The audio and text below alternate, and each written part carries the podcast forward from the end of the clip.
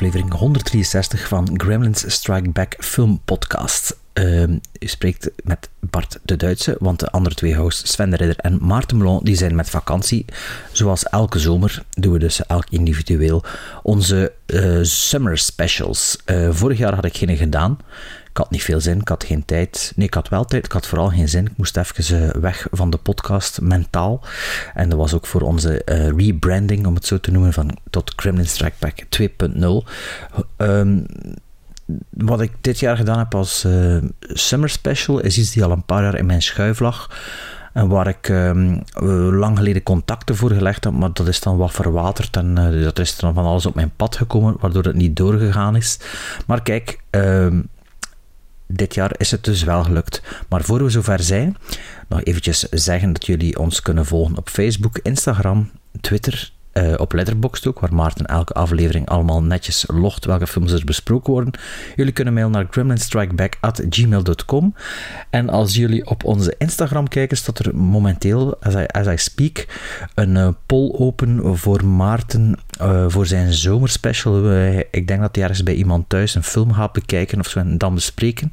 En ik kunt daar eens een Google Doc of zo invullen. Um, check onze Instagram. Ik weet niet of hij het op, Insta, op um, Facebook of Twitter gezet gezet heeft ook. Maar uh, bekijk het eens. Uh, ik denk dat je nog een week de tijd hebt om erop te reageren. Dus als je dit hoort, uh, de dag dat het de zomerspecial uitkomt, dan kun je dat doen. Wat Sven gaat doen, dat denk ik dat hij gezegd heeft tegen mij, maar ik zal dat natuurlijk nog niet zeggen. Um, wat heb ik gedaan? heb ik alles gezegd? Ah nee, nee, nee. de vorige aflevering was het al gelanceerd. En ik dacht, ik zal het laten lopen tot een, totdat de zomerspecial van mij online komt. En dat is de wedstrijd met dank aan Day One voor uh, de 4K Blu-ray combo van The Batman. De recente Batman film van Matt Reeves, dat is het zeker. Ik heb het niet genoteerd. Dus ik heb hier alle juiste antwoorden terug in een spinning wheel gezet op een of andere app. En ik mag er vijf, of wij mogen er vijf weggeven. Dus ik zal nu gewoon willekeurig, ja, nee niet willekeurig, ik zal gewoon op de, de dingen hier tikken, het spinning wheel. En alle namen staan erop van de juiste, deel, de juiste antwoorden van de deelnemers van die, met de juiste antwoorden. En uh, ja, deze mogen binnenkort dan een uh, 4K Blue en Blu-ray verwachten van uh, de Batman. En wie hebben we als eerste winnaar? Hier gaan we. Ik tik op spin. Hopelijk werkt dat. Yes, het is aan het draaien. En de eerste winnaar is... Lode Gordijn. Dat is volgens mij zelfs de mens die gewonnen heeft uh, het totaalpakket. Dus die valt twee keer kort na elkaar in de prijzen. Proficiat Lode, maar er zijn er nog vier die kunnen winnen. Ik tik nog eens. En dat is... Oeh, spannend. Jo, net geworden Jens Thijs. Proficiat Jens Thijs. We hebben nog prijzen. We hebben er nog drie uit te delen. De volgende is voor. Zo gaat het natuurlijk wel rap om een, eh, summer special te mailen. Ja, je raadt het nooit. Lode Gordijn nog eens, dus ik duw nog eens. Lode Gordijn wint geen twee, maar één keer. Allee, je wint wel twee keer, maar nu dus uh, maar één keer. En de volgende winnaar is, had ik er nu al twee of drie, twee hè, officieel. Wouter van Broekhoven. Proficiat, Wouter. Okay. En de volgende, ik denk nog twee. Als ik er al vier, gedaan heb, de laatste die wint dan niet. Hè. En de winnaar van deze is. Spannend, spannend, spannend. Duurt precies wat langer. Koen de Gang. Koen de Gang, proficiat met uw Blu-ray 4K. Koen de Gang, denk ik, is de man die het logo ontworpen heeft. En nog een laatste, of een reserve. Dus als, als ik al vijf gezegd heb, dan uh, win niet. En de winnaar is Vincent Corsus. Ik denk dat ik er nu vijf heb, dus jullie mogen binnenkort een, uh, een Blu-ray verwachten. Weet je wat, als je dit hoort, stuur mij een mail. Want natuurlijk, moet je, als je deelneemt, moet je ook luisteren. Hè. Dus uh, als jullie dit horen, stuur mij een keer een mailje. En uh, met jullie adres ook. En dan bezorg je aan de mensen van Day One. Die dankzij Warner Bros. En dankzij ons dus ook. Uh, vijf Blu-rays, 4K en 4K Blu-rays of 4K en Blu-ray. Een dual format, whatever. mogen weggeven. Maar dus even verder over mijn eigen zomerspecial. Um, ik heb regisseur Sam Firstenberg geïnterviewd of gesproken. Ik, heb liever, ik spreek liever over een gesprek dan een interview, want ik ben tenslotte geen journalist. Um, en ik vind dat je dan ook, uh, als je het uh, als labelt als gesprek, dan... Uh, ja, dan ben je minder gebonden aan vragen, denk ik, of zo, terwijl ik natuurlijk wel wat voorbereid had. Uh, Sam Firstenberg is een, ik zal niet zeggen een Amerikaanse regisseur, hij is geboren in Polen en opgegroeid in Israël, maar wel een regisseur van Amerikaanse films. Hij is begonnen uh, begin de jaren 80 met zijn doorbraakfilm was Revenge of the Ninja. Ik denk de sequel op uh, Enter the Ninja, Revenge of the Ninja was van 83 en daarna heeft hij enkele cultfilms gemaakt, namelijk Ninja 3 The Warrior, uh, nee, The Domination, sorry, uh, Breaking 2 Electric Boogaloo, beide voor Canon, uh, en daarna American Ninja 1 en 2 met Michael Dudikoff en Avenging Force, allemaal B-films uit het video, B-actiefilms uit het videotijdperk. Hij noemt ze zelf ook B-films. Ik weet niet of dat in, in, het gesprek is, misschien was het in het, voor, het voorafgesprek. Hij, weet, hij zegt zelf, ik weet wat ik gemaakt heb en ik ben er trots op, maar ik weet wat ik gemaakt heb. Als je begrijpt wat ik bedoel. Hij zei ook, uh, als je me spreekt, uh, je mag vragen wat je wilt. The good, the bad, the ugly. Daar had ik natuurlijk niet op geanticipeerd. Anders had ik misschien wel meer dirt, dirty laundry, vuile was, de vuile was gevraagd om die buiten te hangen. Maar uh, dat was dus niet het geval. Um, dus Sam Firstenberg, die heeft daarna nog American Samurai gedaan, Cybercop. Uh, ik was die lang geleden dus al op um, contact via Facebook. Een heel, heel uh, benaderbare, benaderbare man. Uh, een paar jaar geleden, maar er is dan iets tussen gekomen. En vorig jaar had ik dus geen zin om het uh, te doen, het gesprek. maar ik had wel enkele jaren geleden ter voorbereiding al, het ligt hier naast mij, een telefoonboek gekocht. van een zekere Marco Siedelman is de schrijver. En het boek heet Stories from the Trenches. En de subtitel is Adventures in Making High-Octane Hollywood Movies with Canon veteran Sam Furstenberg. En als ik zeg een telefoonboek, mag je dat echt letterlijk nemen. Ik zal nu eens zien hoeveel pagina's het boek dik is. En het zijn geen A4'tjes, zijn grotere. Um, wacht ze. Heel 752 pagina's is het boek dik. Ik zal eerlijk zijn, ik heb er nog niet zoveel in gelezen. Het is echt een mastodon, maar als je eens als je iets begint te lezen, is het wel allemaal boeiend. Ik hoop dat ik het boek ooit uitgelezen heb. Ik heb het dus ook niet gelezen ter voorbereiding van dit gesprek met hem. Um, beetje jammer dat ik het niet helemaal gelezen heb, want na het gesprek heb ik er nog een beetje in gebladerd en nog stukken gelezen en kwam nog allemaal interessante zaken tegen. De man zelf is een, een, eh, een vlotte babbelaar, maar ik wou hem niet te lang storen. Toen zat eh, met, uh, hij woont in Beverly Hills, geloof ik. En ja, ik wist ook niet of hij veel te doen had die dag of niet. Dus ik heb, ja, ik heb hem wat vragen gesteld ik vind zelf dat er niet zoveel samenhang is tussen mijn vragen, maar ik wil de verschillende dingen uit zijn carrière aan, aantoetsen en verschillende dingen horen, verschillende verhalen horen. Uh, dus misschien missen jullie, net zoals ik, een klein beetje structuur of eenheid. Uh, maar ik moet wel zeggen, met nog eens in een boek te bladeren, er is niet zoveel over de latere carrière gepraat, een klein beetje, maar er zijn eigenlijk wel nog veel topics van zijn post-canon periode die ik wel zou kunnen aanhalen. Dus wie weet komt er ooit nog een deel 2 in een of andere volgende zomer. Uh, we zullen zien. Um, in elk geval, um, ja, geniet van het gesprek en ja, laat gerust weten wat jullie ervan vonden. En uh, nog eens uh, bedankt aan Sam Furstenberg, die waarschijnlijk ook wel eens zal luisteren. Hij ging al sinds ook pushen via zijn sociale media. Dus welcome to the English listeners as well. Ah ja, en dus ja, zoals jullie wel zullen horen, ik ben uh, Nederlandstalig. Dus uh, soms zullen mijn vragen niet zo vlot eruit komen, want ik heb dat natuurlijk niet letterlijk uitgeschreven, gewoon wat bullet, bullet words of bullet points of gezegd. En dan uh, de, op het moment zelf mijn vraag via Skype naar hem geslingerd. En ja, waarschijnlijk moet ik moet het nog herbeluisteren, maar waarschijnlijk zullen er wel wat jommekes zinnen in zitten. Maar kijk, dan is dat maar zo.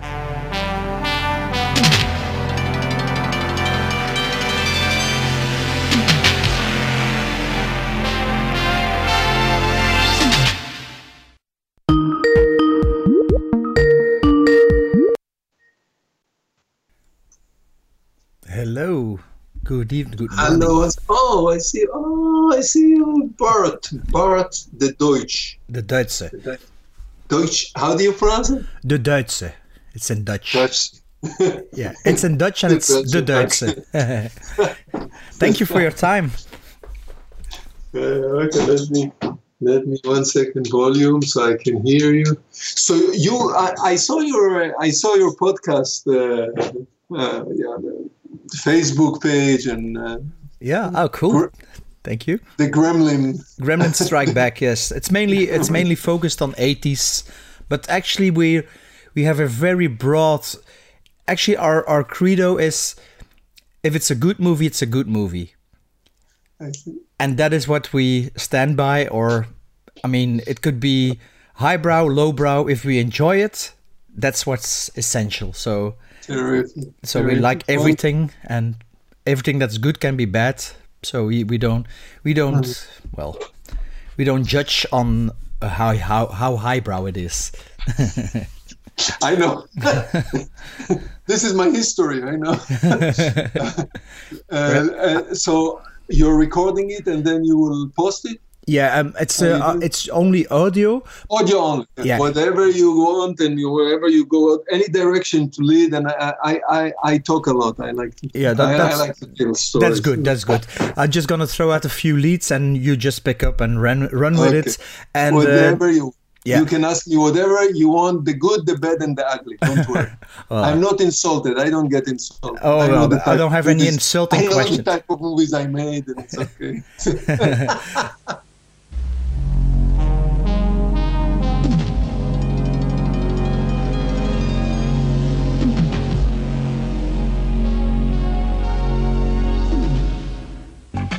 Cannon Films. The home of high powered, high voltage motion picture entertainment. With the screen's biggest spectacles, brightest stars, and boldest lineup of explosive entertainment. We're taking motion picture excitement over the edge and your box office over the top.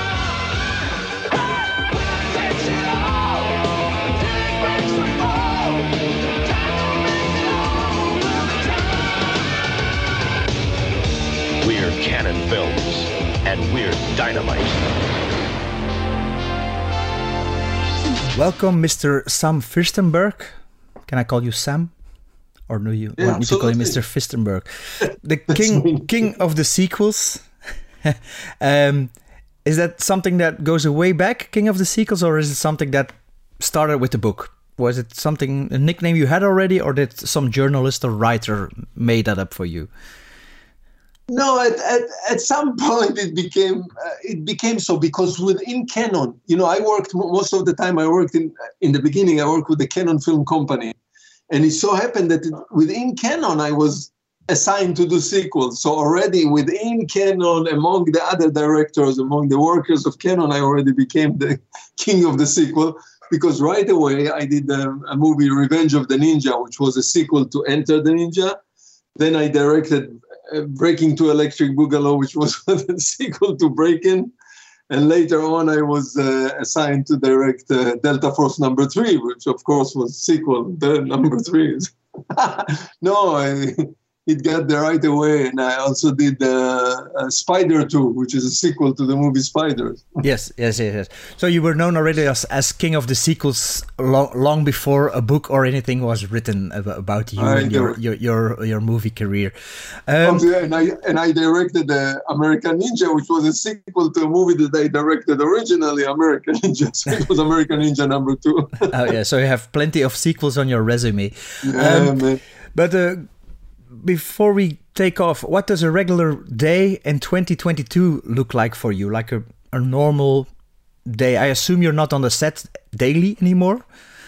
No, I'm not directing anymore, and I and, and right now 2022. But for the last 10 years, I'm not directing any more movies.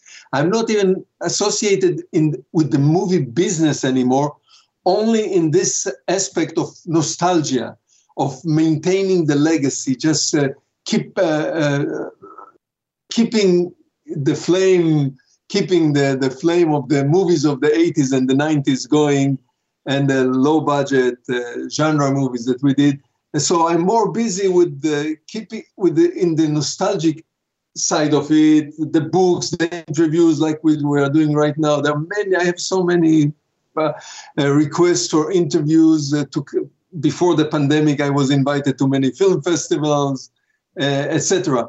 And uh, and I'm retired, so I don't work for livelihood anymore. And beside this uh, major, so-called, you can say, my hobby to to maintain the legacy of the movies I directed, and in general, the low-budget movies of the 80s and the 90s. I, I have many other hobbies. I'm photography and I'm a carpenter. I build, I, I design and build furnitures. so I'm busy all the time with all kind of different things that are interesting in my life. Uh, talking about the nostalgia, um, when did you start to realize or start picking up that people were still holding on to those days or to those movies? Or I mean, they they've been. I'm a I'm a kid from the 80s, so I've I've known the movies back then. I assume you know about it as well, but you would think that those kind of movies or movies in general tend to fade out. Was there like a decline in interest and then a sudden resurgence that you picked up on? And when did that happen, or when did you start to realize it? So you described it very correctly. Uh, number one, most of movies most of the movies we are produced in the world really disappear. They disappear in this uh, abyss of history, I call it, in the, the, the, the, time tunnel of history. Most of the movies, 80% of the movies you never hear about again. They, they, they play, they're out, and then they disappear. And, uh, and uh, only few, small amount of movies, uh, they stand the test of time. But what happened for us, the people, the movies that we made in the 80s and the 90s, which were we consider them low budget, medium budget, independent genre movies, action, horror, sci-fi. In the after the 80s, 1980s and 1990s, they disappeared exactly the way you said. They kind of disappeared for uh, 15 years, let's say. Except one exception was American Ninja. The movie American Ninja never went down, mm-hmm. was always up on the radar. radar. But you're right, they, they kind of disappeared, declined. Also, American Ninja. And then, let's say 2005, 15 years later, suddenly I start to see activity. For me, it really manifested in a way that people started to contact me for interviews. I started, I, I started to get more and more requests for interviews. People wanted to write, uh, you know, write books like Marco Siedelmann in Germany. Uh, uh, more and more interviews, written interviews, uh, video interviews, audio interviews. And then suddenly, like 10 years ago, I also I started to get requests to come to festivals with those old movies. So some of the movies that I directed, uh, granted, you know, I directed about 25 movies. From those 25 movies, most of them also disappeared, you know, but some of them uh, uh, are coming back. They're a resurrection, especially especially the ninja movies revenge of the ninja. Ninja 3 ninja 3 domination definitely i'll tell you about it in separate. And then this uh, breaking to electric boogaloo american ninja american ninja number two. Uh, another movie that i directed with michael dudikoff avenging force is really coming up later lately. And even an obscure movie that i directed with steve james riverbend in the last two or three years is coming up again and people are starting to talk about it and it uh, screenings etc so the way you describe it is correct. So i was aware when i was was starting to get requests for interviews people wanted to interview. In the beginning it was all uh, written interviews and then video interviews. And lately the special screening and invitation to film festival. Now some of those movies are really really taken off especially American Ninja. American Ninja as popular right now is as popular as ever. We just not long ago we posted on the internet. Uh, somebody made a short movie, "The Making of American Ninja." Right away, two hundred thousand views by now, and uh, And uh, the movie that is really a big surprise is Ninja 3 The Domination, that really disappeared for 15 years and now it's coming back as a cult movie, not as a, not as a serious movie, as a cult movie. And in general, those movies, some of them are considered, you know, they come up in this category of good bad movies. Good bad movies, yes. Good trash movies. so, uh, breaking to the, the, not long ago, a book came out, the Bible of the bad movies, and my movies, of course, are included in the Bible of the bad movies. Well, it speaks to its legacy or to your directing legacy or the movies you made. They still are present in pop culture, so there is there is a universal quality to it that is.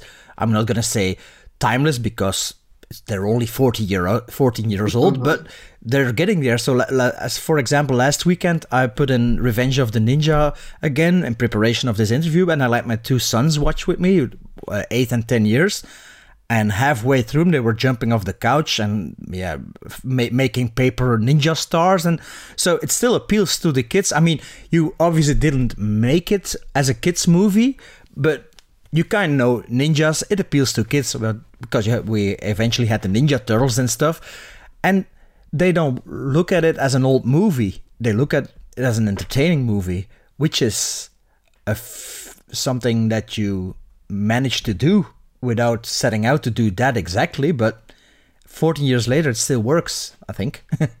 so, so what you have just told us is a statement. Is, is, is a is a uh, it proves this point that exactly what the, the point that you made that for some reason and it's very it was very hard to know 35 years ago 40 years ago those movies stand the test of time there is new audience. I know. I, I, I hear about it exactly like you. People tell me about young people who sees american ninja now who they see revenge of the ninja and they enjoy it as well. And you know sometimes we see old movies and they look so tired and they look so old and they look like oh this looks like from 200 years ago.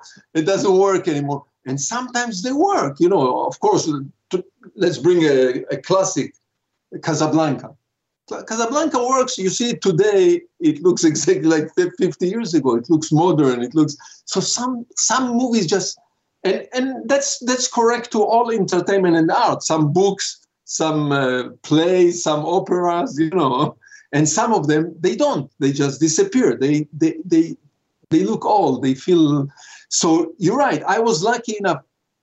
Listen, Art, when we made those movies 40 years ago, 35, 40 years ago, our intention, our the feeling, the thing that we did, we knew that we are making low budget genre movies, which are not part of the major studio mainstream of movie, high, big budget, highbrow movies. We were making a secondary market movies, low budget, small action, uh, and even that not on the on the big budget. So our belief at the time was that we are making temporary movies that will disappear in two years. You know, it will go out on.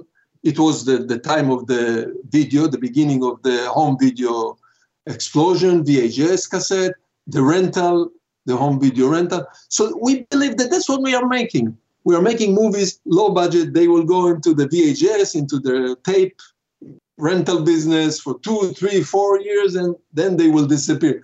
We did not imagine including myself, I was the director, but the producers, the actor, we did not imagine that we are making movies that 40 years later, young children like your children will watch them and they will still be entertained by them.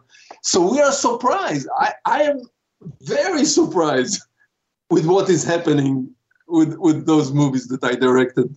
35 40 years ago. Actually when i saw those movies first i was 8 9 10 years old as well. So it's not that back then people were older well people were older but we picked it up as well and we watched it. And when they, there was a martial arts section at the video store so that's where we went to. Well we went to horror and we went to martial arts because that's what we liked.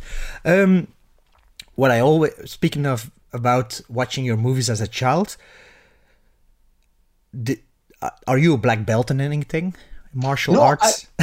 no, no, but interesting enough, I have no knowledge of martial art. I have no, I do not come from the field of the area of martial art at all. When I was a young filmmaker, young uh, director, uh, or uh, enthusiast or film students, I didn't even know, I didn't know anything about the martial art, Hong Kong martial art movies, what we used to call uh, kung fu movies, karate movies from Hong Kong. I never seen any of those movies. And I myself, I don't practice martial art. I don't, I don't know anything about martial art.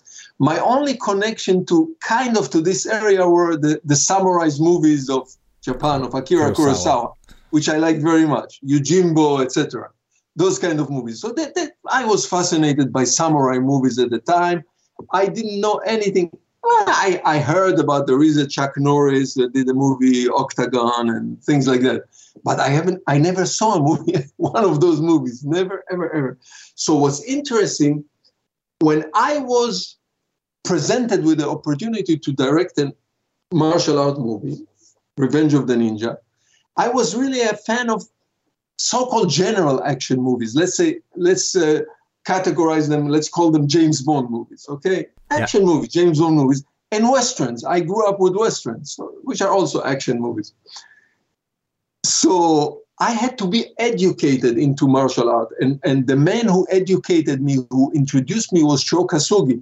Sho Kosugi was the star of Revenge of the Ninja that you just watched, and I was introduced to Sho. You know, when I met him young director. I'm a young director, and I don't know. And he, he I, I, I confess, I don't know anything. But so he introduced me to the Hong Kong style of uh, martial art movies.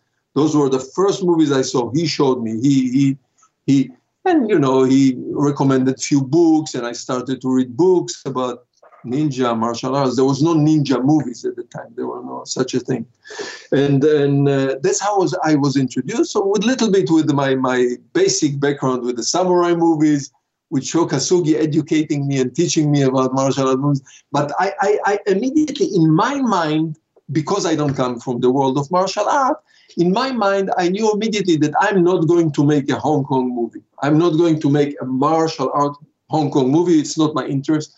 So I will, you know, in my mind, I already made a decision. I'm going to direct, I'm going to make a movie which will be fusion between martial art and James Bond. Let's mix them together because I'm interested in the James Bond movies, Western, um, uh, gangsters movies.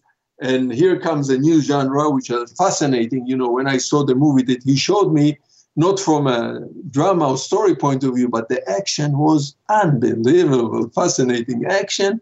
But they concentrate more on one on one, hand to hand combat, those kind of movies. I wanted more. I want explosion, cars, helicopters, gunshot.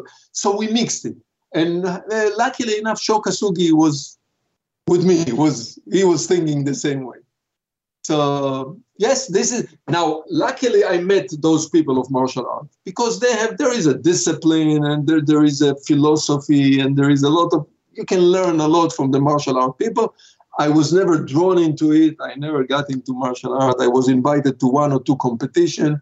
I found it too boring for my taste. But I was introduced to interesting people, uh, interesting philosophies, interesting disciplines, and I was lucky movies and martial art in my life intersected, met each other. You ended up probably sending a lot of kids to kung fu school or karate school or that that that that badge you can put on your shirts. I mean, right. right. I get a lot of I get a lot of email of people. Uh, uh, today they are 40, 50s already, not Yeah. 40s anymore. But, and they write to me. They say because of those movies that we watched these movies when I can we were imagine. Yes. eight, nine, ten. And luckily, we were directed into this direction of discipline, martial art.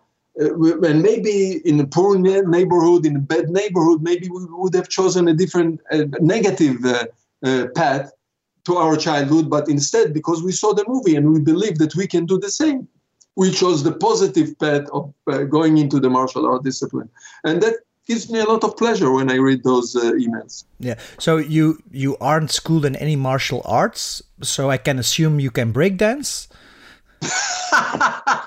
yeah, sure. I was also introduced to hip hop culture, breakdance, uh, by Shabba-Doo, kind of in a similar way when I was uh, presented with, uh, uh, you know, listen, when I was presented with a chance to direct action movie, I was happy. Okay, I'm going to direct action movies because I grew up with action movies, uh, especially Western World War II movies in the 50s when I was a kid in the 50s. Tarzan's, you know, my ninja was Tarzan. When I was a kid, Tarzan was the ninja. Johnny Weissmuller was the big star. And, and, uh, and among the movies that I saw in my childhood were Hollywood musicals. Hollywood musicals were, were, were they were abandoned, a lot of them. King and I, uh, whatever you want, Side Story.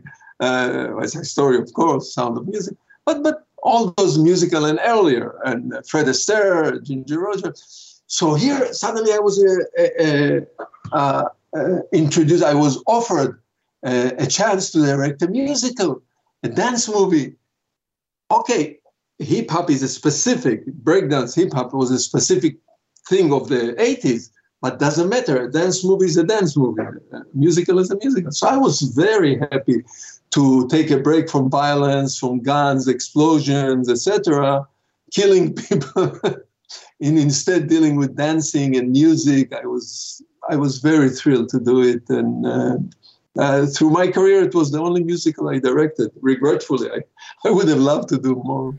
more so, so, Breakin' 2 Electric Boogaloo came out the same year as the original uh, Breakin'. But when did you start working on the sequel? Was the first one released and success already, or was it still scheduled to be released and were you shooting already? Or no, no unlike the Chuck Norris movies, you know, behind enemy lines, that they they switched, they did the uh, in mission and action. They shot yeah. the first one, yeah. and then Joe Zito directed the second one, and they decided to switch the release. Not in this case. Uh, in Cannon Film, they they made decision very fast in Cannon Film in the company, unlike the studios that take forever to make st- uh, decision to me. So when they produced the movie Breakin', which was with with the, the with Lucinda Dickey, the actress who we cast for Ninja 3 The Domination. And for some reason they were they made the movie so fast and the, the editing that the movie came out before Ninja 3 The Domination. So, you know, we cast Lucinda Dickey to Ninja 3 The Domination when they saw her, they cast her to uh, Breakin', which was uh, I did not direct, uh, another Israeli director, Joel Silberg, and and the movie came out even before uh, Ninja 3: The Domination. Now the movie was a tremendous success, tremendous success, and it became it came out at the beginning of the year. For for the for the company for Canon company, it was the biggest success to this point in their in their history of Canon film. It was distributed by MGM tremendous success. So in in the traditional Hollywood way, what do you do when you have a good uh, financial success? You make a sequel. But they were adamant. They wanted a sequel right away. They wanted a sequel now.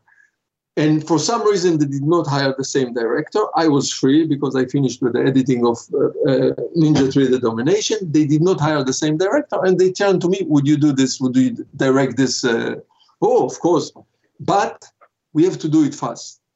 And they, for some reason, they made a deal with another company, distribution company, not with MGM. Everything was everything that Cannon did was distributed to MGM. They made a, a deal with TriStar Columbia, which was a bigger company. They wanted and TriStar Columbia, they wanted the movie now. They wanted the movie fast, TriStar. So we worked like crazy. And the editing, we edited the movie I think in two or three weeks with seven editors around the clock, 24 hours around the clock. I was moving from one editing room to the other, from one editing room to the other. Uh, to my knowledge, and from what I hear in the what I read in the internet, this is the only case of a sequel only in the history of Hollywood that a sequel movie will come out with the same year of the original movie. I, I don't know about any other sequel that came out in the same year of the movie. Yeah. So this was the reason. It was financial pressure by by Cannon, by by the company TriStar. It was even a little bit more TriStar. The, even more the, the the story is even more interesting. Uh, the anecdote. TriStar had a movie Wonder Woman, which was a big movie. Columbia, TriStar. So they had a Wonder Woman, a big, big movie slated. It was toward the end of the year, the holidays. And they, they, you know, they do uh, test screenings for every movies, and they already knew that the movie is not good. That the movie is not going to succeed. And at the time, it was uh, 1984, 1984, uh, I think. At the time, there was a system that the studio would book theaters contractually. So if they take 1,200 theater, they're contracted for two weeks. The theater owners don't care what you do, whether you prepay. The distributor prepay for the theaters. So now they have, it was 1,200 theaters, and they knew that Wonder Woman by test test screening.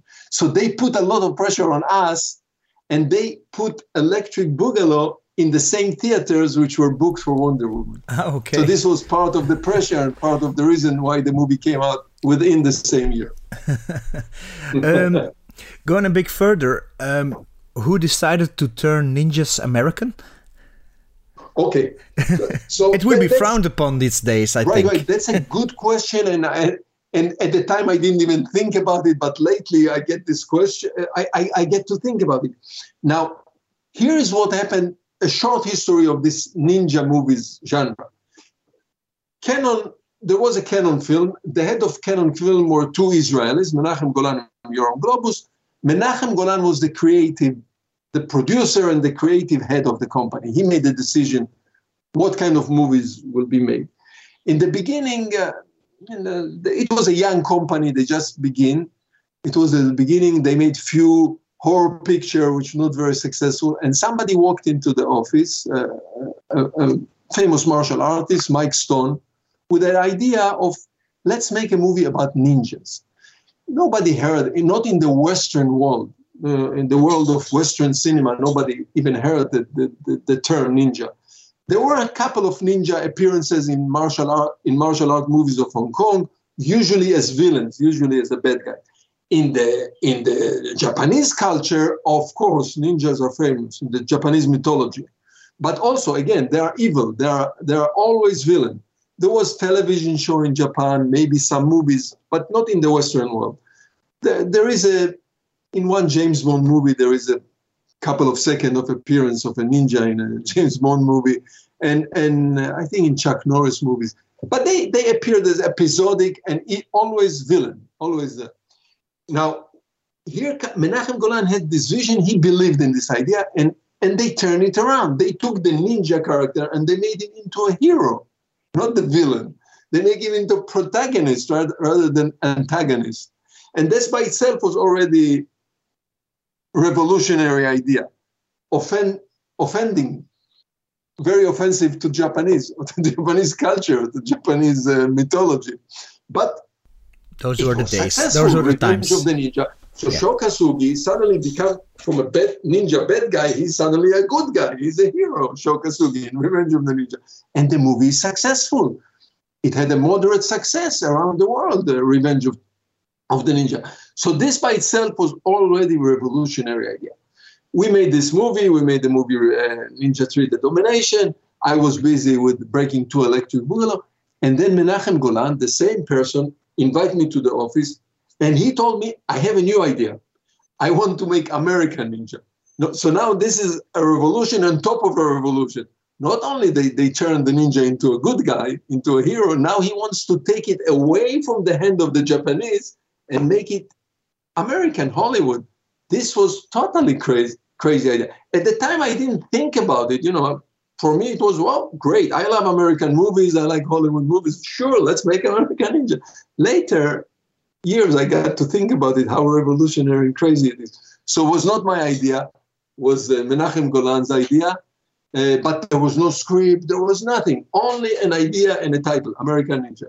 And he told us, myself, the producers, the, we had a writer, of course. I, I do not write. And he said, go ahead, come up with the script, American Ninja.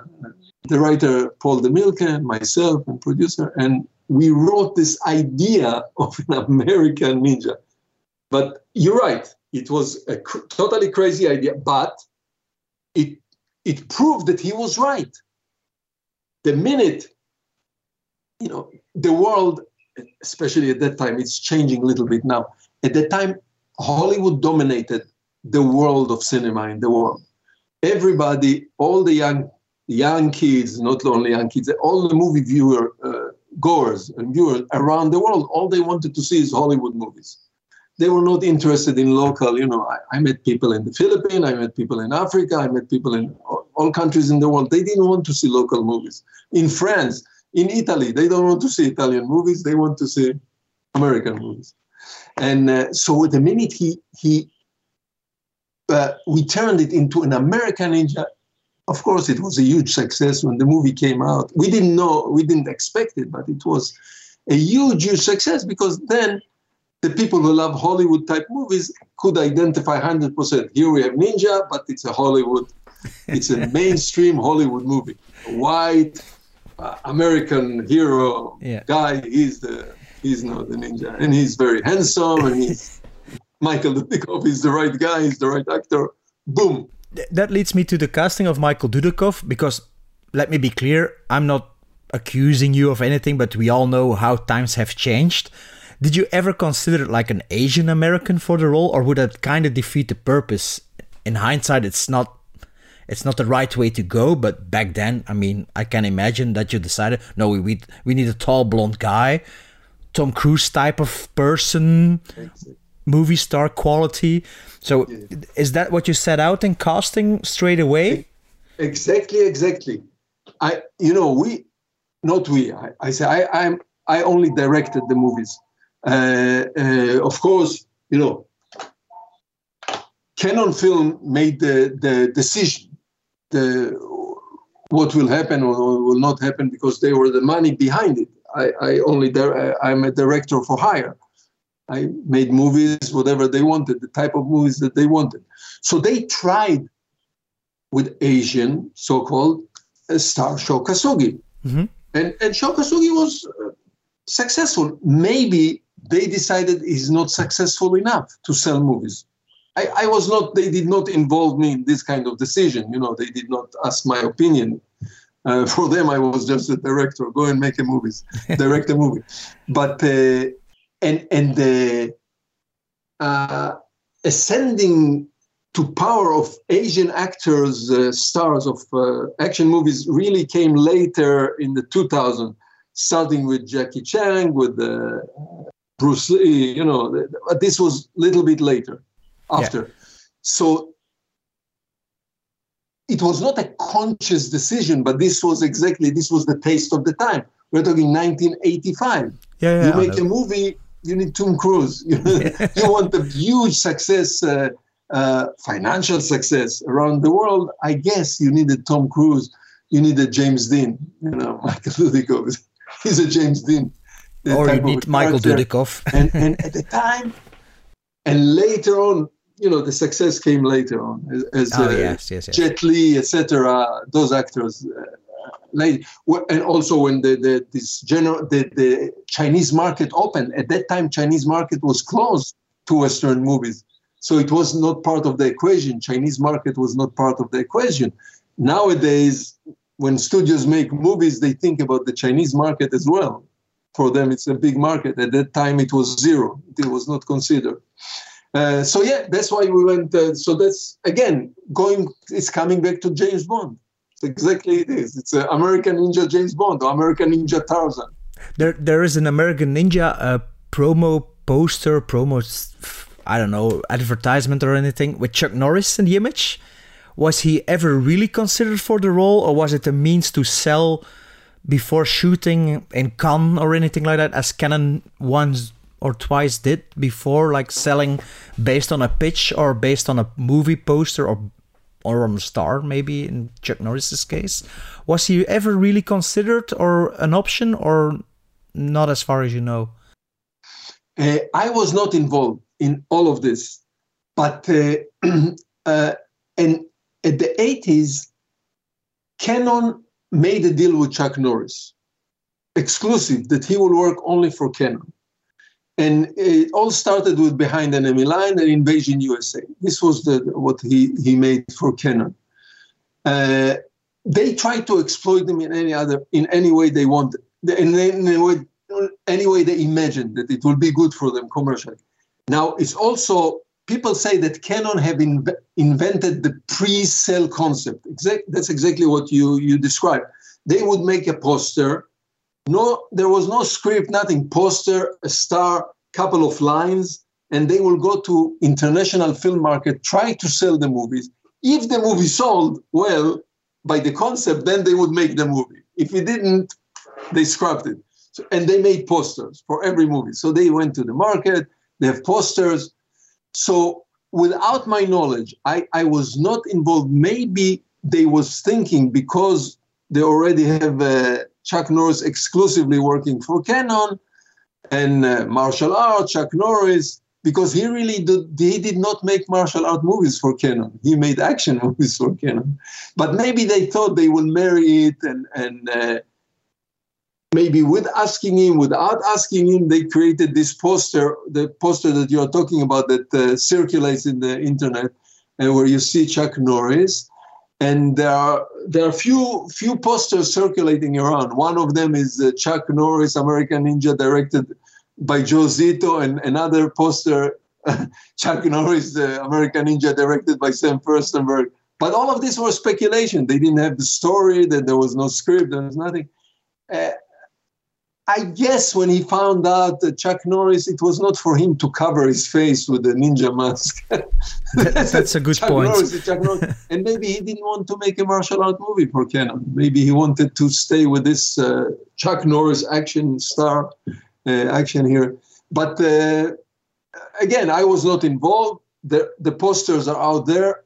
I don't know how if they, he agreed, if he didn't agree.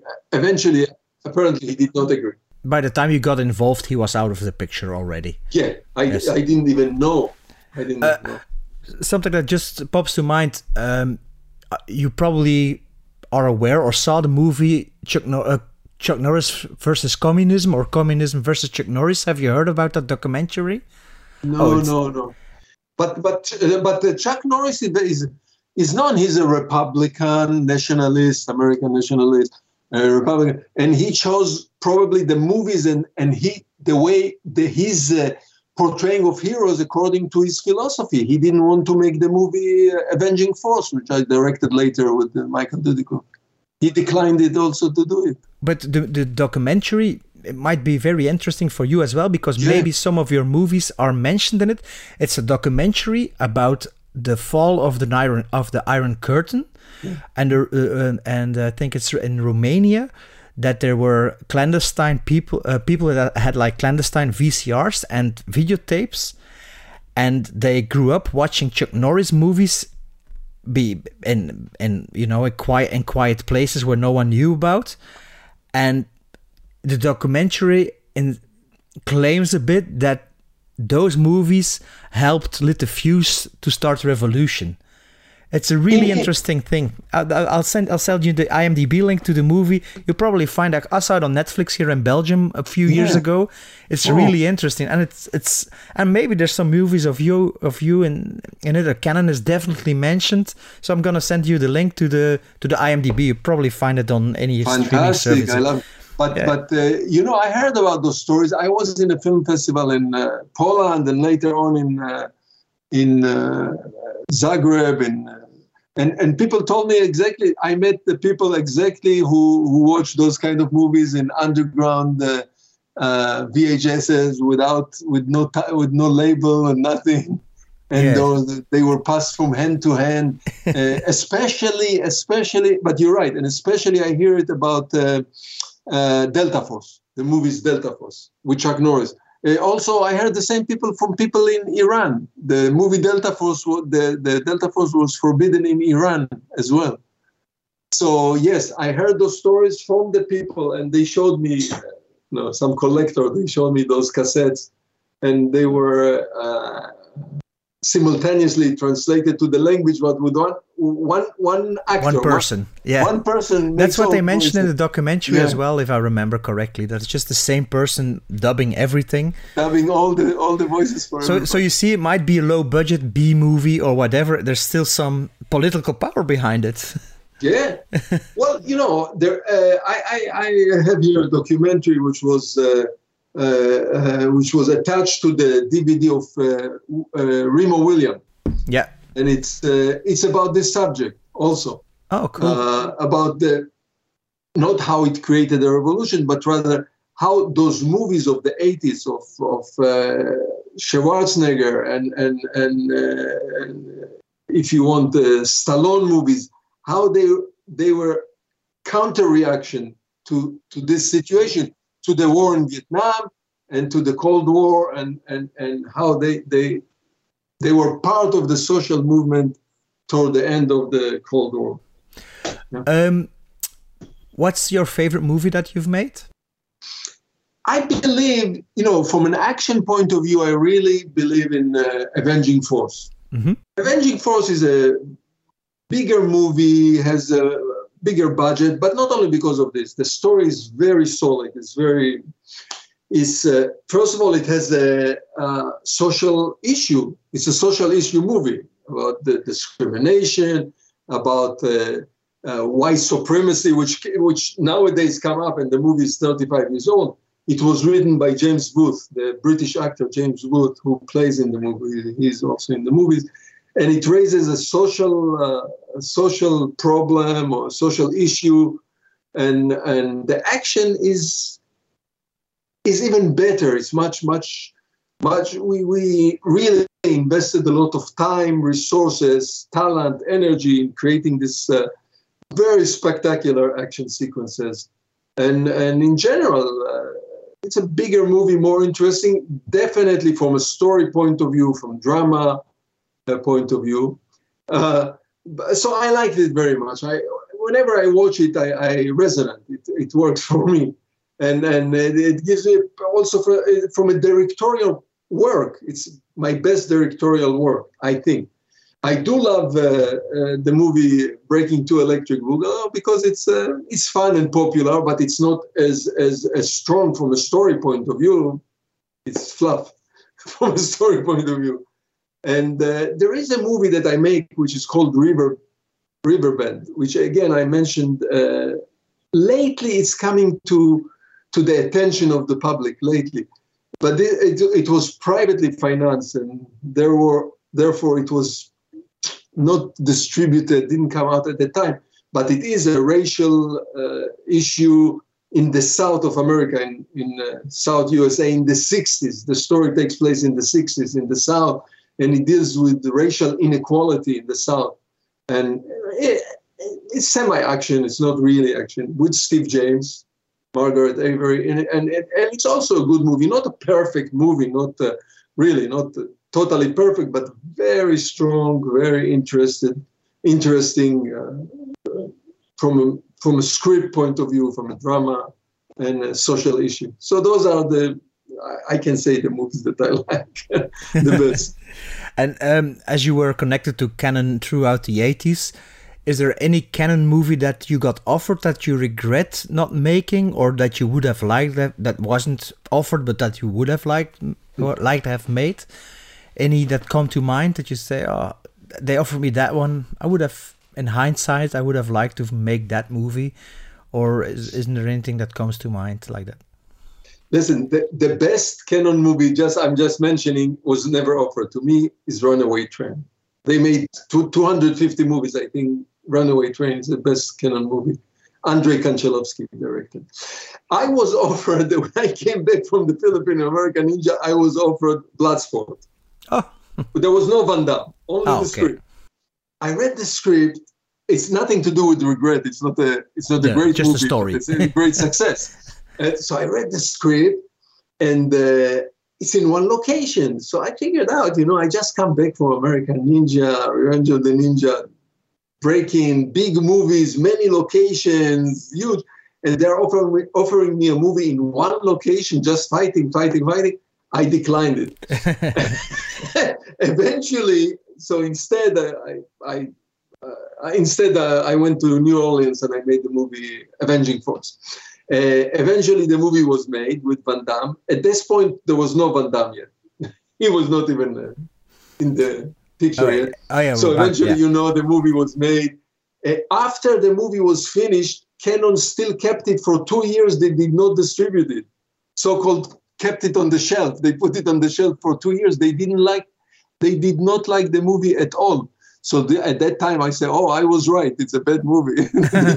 but when it came out, well, the rest is history. You know, Yeah. this was a huge, huge, huge hit and made Van Damme, Van Damme, A star. Jean Claude Van Damme. Uh, so it was. So this was a movie that I declined. I didn't want to direct Cannon. Uh, I, I cannot remember any other. Uh, there, there was a movie that I I did not direct, but outside Cannon. Bet Bet 22 was a movie that uh, I was involved at some point, uh, but they changed director. okay. Okay. At, uh, Um, having directed low budget, lower budget action movies in the 80s, what do you think was the big difference with uh, high budget 80s action movies? You, you get what I'm going like yeah, because when we look at at your movies or the Cannon movies there, there's a certain visual language there's there's visual effects there's there there might be less cutting than a than a bigger bigger budget action movie but to me it's still an 80s action movie with a lower budget. So you as a director where did you sense the limits of the budget that you had compared to if you would have been an a-list actor director bigger company bigger studios director where Yeah, do so- you so- sense the difference or would you Right, think so- was the difference so let's take True Lies. True Lies is a big budget action movie of the same the same style, the same mm-hmm. type of Predator. Same style movies, but First Blood was a low budget movie, just like us. You know, so so when they start First Blood or the first Terminator was a low budget movie. Mhm. Only the second Terminator became a big budget movie. So we were so the big budgets were James Bond and the like of James Bond. But all this group of Chuck Norris, uh, Sylvester Stallone, Schwarzenegger, Van Damme, they all started low budget like us. But the the B, the main difference is we had uh, to improvise. You know, the story is a story. Okay. So you have a good story or bad story, either in low budget or big budget. But in the big budget, you could get big star number one. When you have the budget and the money, so you can start. You, the, the, the starting point is that you get a big box office star. You know, so uh, you get Tom Cruise for uh, Mission Impossible. That's the beginning. Then comes creating action on the screen cost money. It it's a function of money. Of course, imagination, improvisation, and many other ideas, but it takes a lot of money to create really spectacular action. In the 80s, today it's a little bit different, and we'll mention it. So, all, so our hope as a director, I know was I was not the only one. There was a group of director, uh, Joe Zito, myself, uh, Sheldon Lettich, you know, other directors who did the, who did the same uh, the same type of movies. What we always wanted,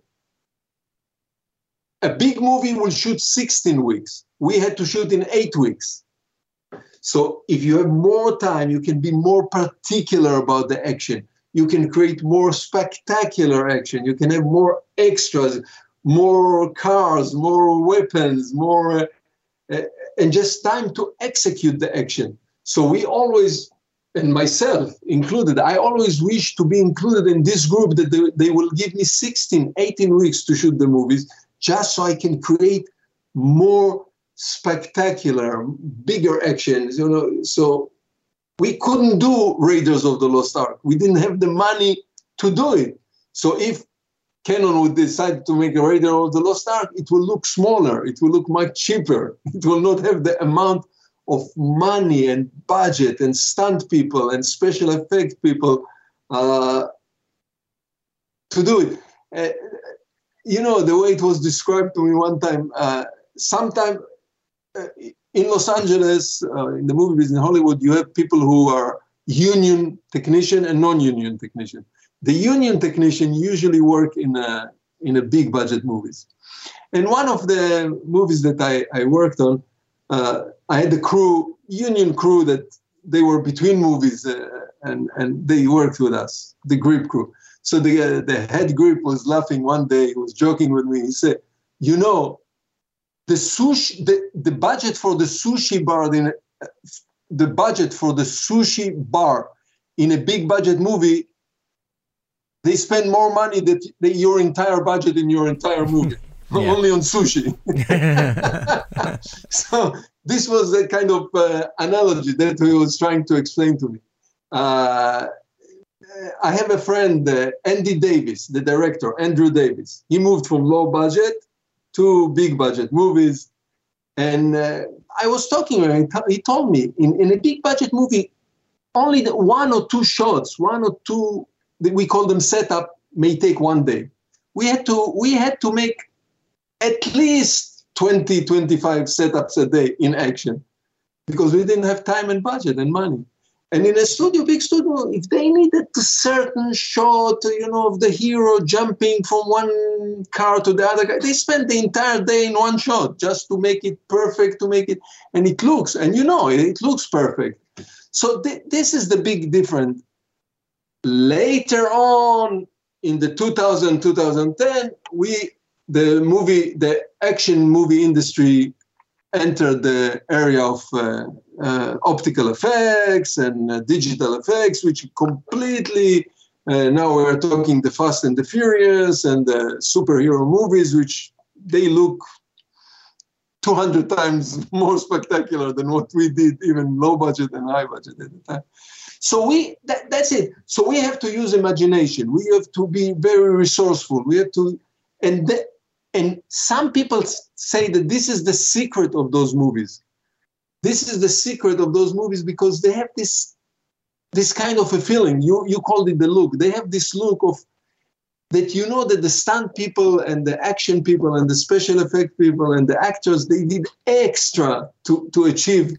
There's a, there's a certain trying- energy. try- there's a yeah, certain trying, energy and, and therefore there is a, a special energy and and now those movies are coming back because people say wow you know that when we went to the swamp in in new orleans and we spent two weeks inside the, the, the water in the swamps of new orleans and the actors and dudikoff and everybody had to be in the water 12 hours it really they were there. It was not a heated pool in the studio with a digital background we were down there with the crocodiles in the water and you can feel it so that, that, that- that's basically it. But I, I always wished, I always wanted to do a big budget movie.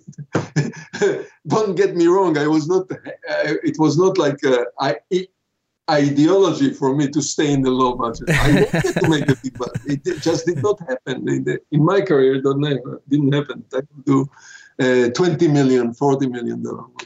So so by the by the late 80s, uh, Cannon went bankrupt, went out of business. I assume you were still on their steady roster or as of director of go-to directors. Did you did you feel the end coming? Was it wa- wa- was it a long dragged out end or was it a sudden end? Or was No, anyone it was, uh, surprised or not? immediate. Listen, the demise of Cannon uh, is, came from a financial uh, reasons, not from uh, movie reasons. Yeah. Movie reason by financial. The the two the people who headed Cannon, they were very ambitious uh, Israelis, two Israelis, very ambitious, and they wanted to conquer the world. So at some point, this first of all they started to make big movies they tried to compete with the studios one of them was superman they, they had a superman. They tried to make superman.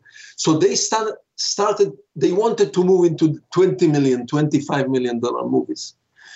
Of course companies at this type of companies they work on loans from the banks. You know it's not uh, they don't have the resources. It's not a studio. It's not universal. It's not disney that they have limited amount of money. So they had a loans from bank and and uh, i think one of them was a belgian uh, credit lyonnais french belgian Ah, yeah, yeah, yeah. It's Belgian Credit or Lyonnais was- French. I don't know, but we have it here. Yeah. and and uh, and the debt was getting bigger and bigger and bigger And at some point, they purchased almost all the theater, the biggest theater chain in England. This Oh, yes. is a big problem. You know, now they have to pay salaries to many people who work in the theaters every, every week. So the, the, the financial became burden, bigger and bigger. But they still made movies. We didn't feel it. The people who made movies, the, the side of the movie making.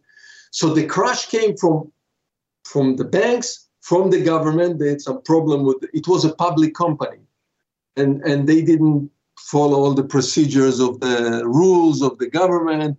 So it came from both sides, from banks, from the government, everybody together, creditors, people. They owned a lot of money to a lot of companies and people. all- Everything came together that it ended. It had to end up in a bankruptcy, which is a financial matter. It's not a movie making. It's not a filmmaking matter.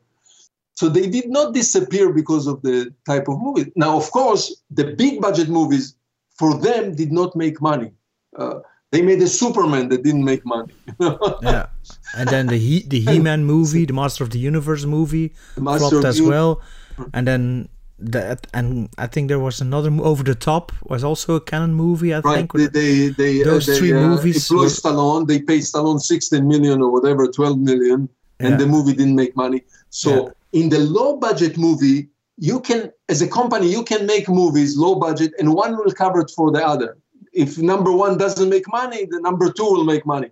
But in the big budget, you cannot play the game of the studio. Studios can play this game. Studio can make four big movies a year. One of them is a hit. That's enough for the studio because it's a huge, huge hit. You're talking about hundreds of millions or billions, as we we see this week with the Top Gun. Yeah. So, and they have assets, they have a theme park, they have enough power, the big studios.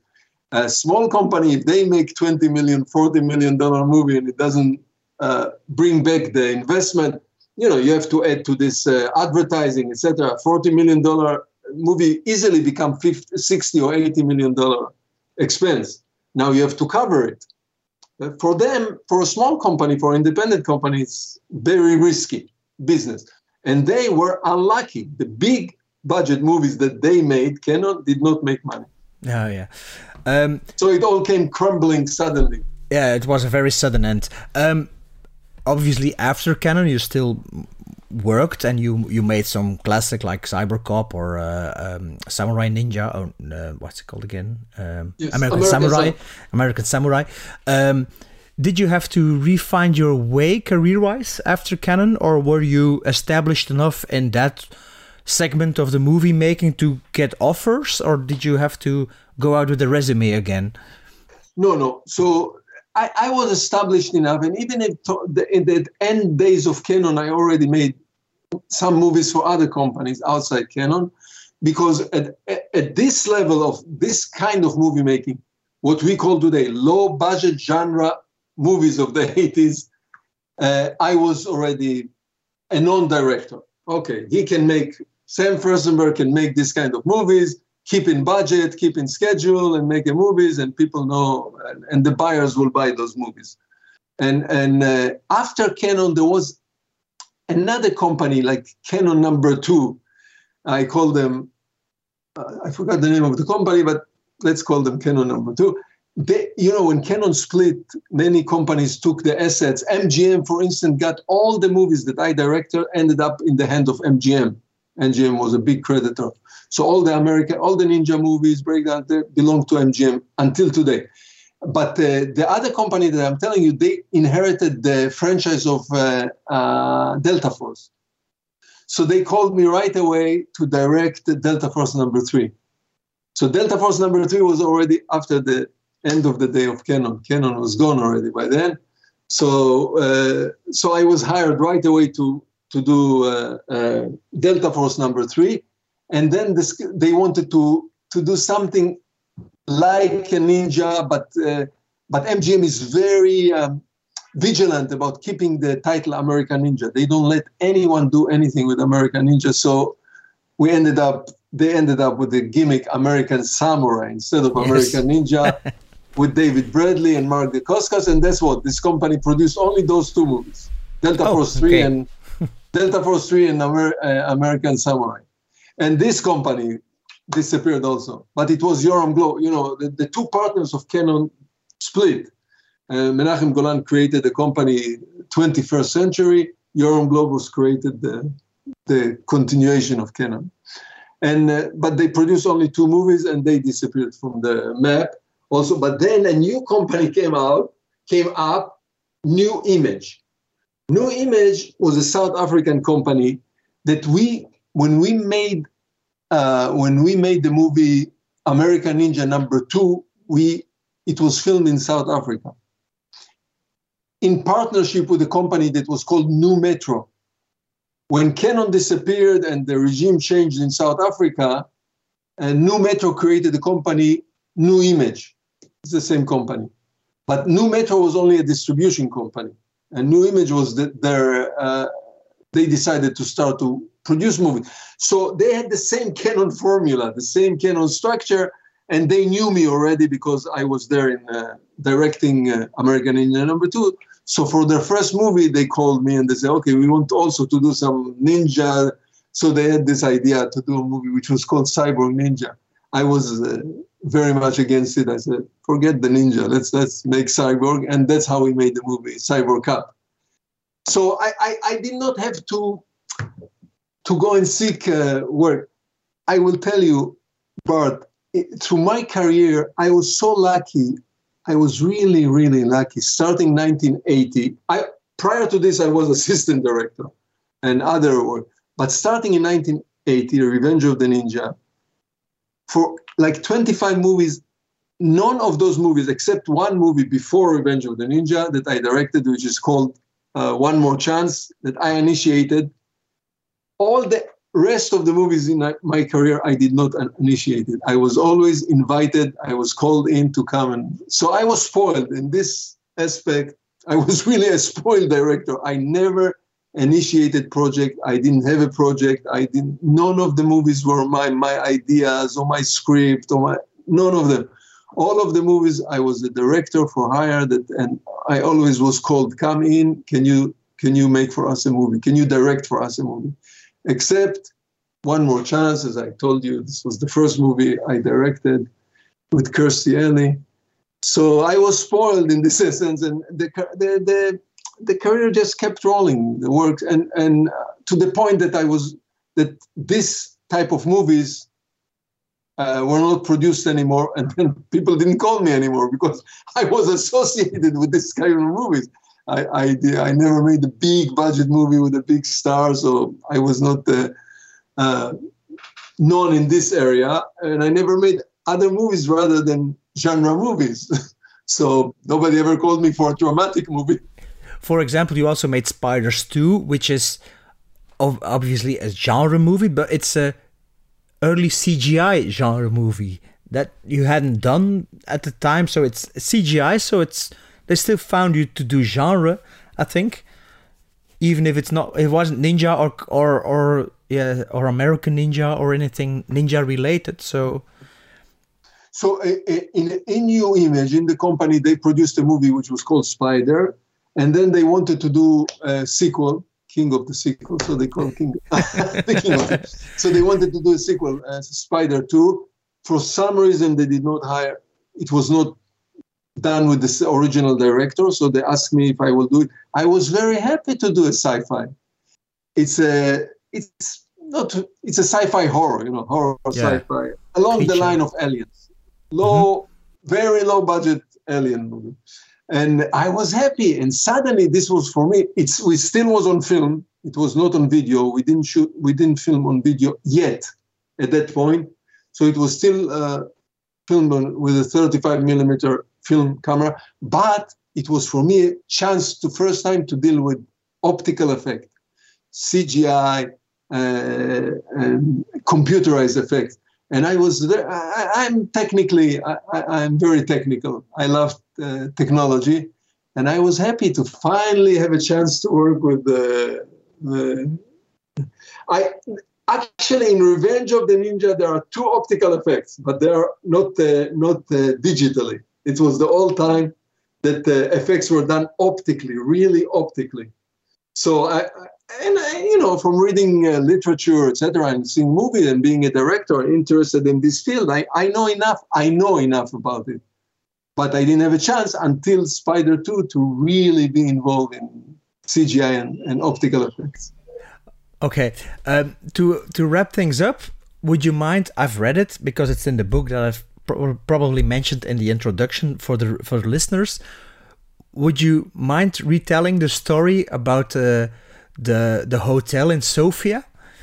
The, in the Uh, book, there's a cool story. I've heard it before, but the listeners, if they don't purchase the book, they at least get this story from you. story. so this company that I mentioned, Nu Image, they started in South Africa and then, then they moved to Hollywood. They moved here to Los Angeles. They had an office in Los Angeles. They have until today. They also they're owner of the uh, company Millennium. It's the same company, Nu Image and Millennium, and and they have an office here. But at some point, they established a foothold in Bulgaria after uh, after the the end of the uh, the rise of the uh, Iron Curtain, and they had a little uh, a place in Sofia, and uh, in Sofia there was a, there is a studio, Boyana, from the Soviet era. From the there, there was a studio uh, from the Soviet era era. But uh, they established their own company working with Boyana. They, they brought equipment from South Africa. They moved to the equipment. And the reason was financial. It was very cheap. You know, labor was very, very cheap in the countries of the Soviet, ex-Soviet Union's country, uh, ex-communist country. So this was the reason. So they made few movies. And then when, uh, and I made for them movies, but not in Bulgaria you know, like made we made the alternate. I directed the alternate with Eric Roberts here in Los Angeles, uh, Cyborg One and Cyborg Cop Number Two in South Africa, Operation Delta Force in South Africa, and then when the time came for this uh, uh, Spider Two, they told me this time we'll do it in uh, Sofia in Bulgaria.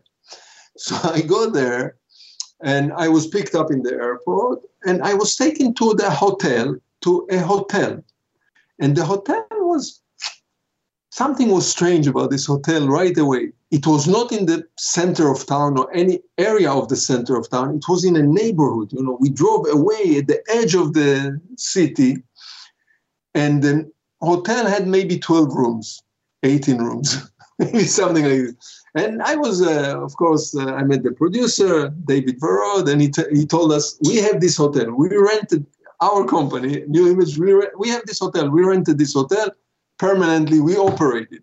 So there was no more kitchen, only somebody sitting in the reception. But she works for us. We operate this hotel.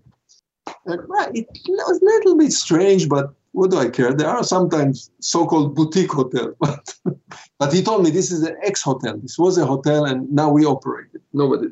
Uh, but the more time I spend with with in this uh, hotel, and the more time I, I talk with him, and I realized, and he told me that this hotel used to belong to to the mafia cartel of of Bulgaria, of of uh, Sofia, and they rented it to him to the company, and. Uh, it was strange. You know, whenever I was in a, let's say I was in town and I need to take a taxi and I mentioned the name of the hotel, none of the taxi driver knew where it is. I always had to direct them. It was really in the middle, in the middle of a neighborhood, between houses, no, nothing commercial, no stores, nothing. It was between houses, isolated, and it was strange to me. Why the, why it will be?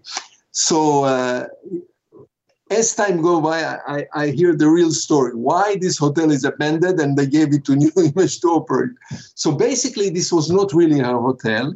It was a hotel, but it was, uh, you know, a meeting place for the cartel, for all the different head of different mafias, uh, uh, organized crime of Sofia. Whenever they need to meet and to discuss, this was the place. Or if they need a room, or they, they had a mistress, they have to spend the night with the mistress. So there was a kitchen, they, they had their own food, and uh, there was a sauna, there was anything you need to just have a good time. So I asked, why did they abandon it? How come it now belongs to the film company? So, so the secret was that one day in one of the meeting, uh, somebody did not agree with the whatever they decided, and they had to kill him right there in the hotel and and to cut the body into pieces to, so it disappeared. And then the police found about it, and the newspaper. The, so it became known that this place is a place that the mafia people kill people or whatever. They cut them into pieces. So they had abandoned it because it was not good for their business anymore. And they found a good solution. They rented it to to Nu Image. And Nu Image operated, fully operated it. All the workers were Nu Image, you know, the reception, the, the, people who changed the, the, the room service, everything was operated by Nu Image. They didn't want anything to do with it, the, the, the, the local organized crime. So that's how I found myself suddenly. and I got, of course, as the director, I got the best room, the director the best room. Okay, Sam, thank you very much. Um, one so, one small question: Have you ever been contacted by the Brussels Offscreen Film Festival so far, or already? It's a genre festival in the center of Brussels who have always two, three international guests. What's the name of the festival again? Offscreen. Offscreen. Listen, yeah. I I was before the pandemic. I went into uh, the circuit of film festivals and there was a guy from Belgium. What's his name? And we were and we were talking about going. I don't know if this is this festival. It's probably maybe not. But then the pandemic hit. It oh, was okay. two and a half years ago, and it was delayed and delayed and delayed. Uh, I can give you his name. One second. uh, in one second, I'll give you his name. And I Roman, Roman, Roman, Roman. Oh, Roman. it might be the other Brussels festival. Other festival. That that, that genre, yeah. So I met Roman like in two or three festivals. He always he comes to every festival in the area.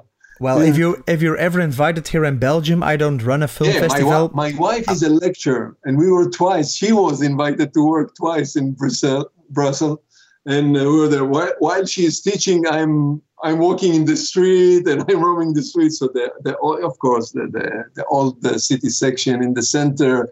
Uh, I, I'm very familiar with Brussels, more or less. And I, because I had so many hours to walk the city all the way to the parla to the European Parliament and back to the center and the, the good food. We like the food and the the it's really fun. It's a fun city. The the Belgium chocolate and uh, everything. Uh, but but I will be. I, am really. I, I like those festivals. I, I like to come to be a guest in the festival. Q and A. You know, people. I introduce the movies. Usually, people like audience like to ask question. Uh, yeah. Well, I hope you get invited again, and that I see you in person. Maybe then. Uh, so, thank you very much for your time. I like how approachable you are online, or how people how you can reach out to you.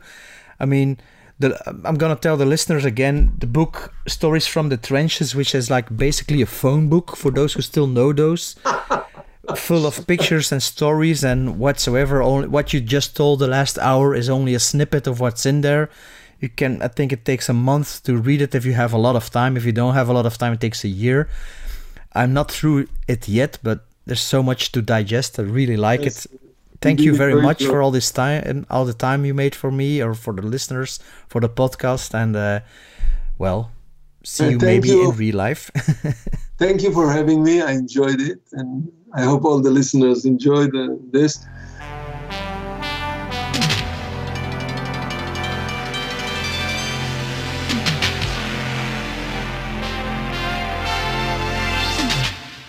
bedankt om weer te luisteren. Blijf dus volgen op onze sociale media en uh, mail ons. En uh, na de summer special van Maarten en Sven, dan zijn we er terug ergens in september.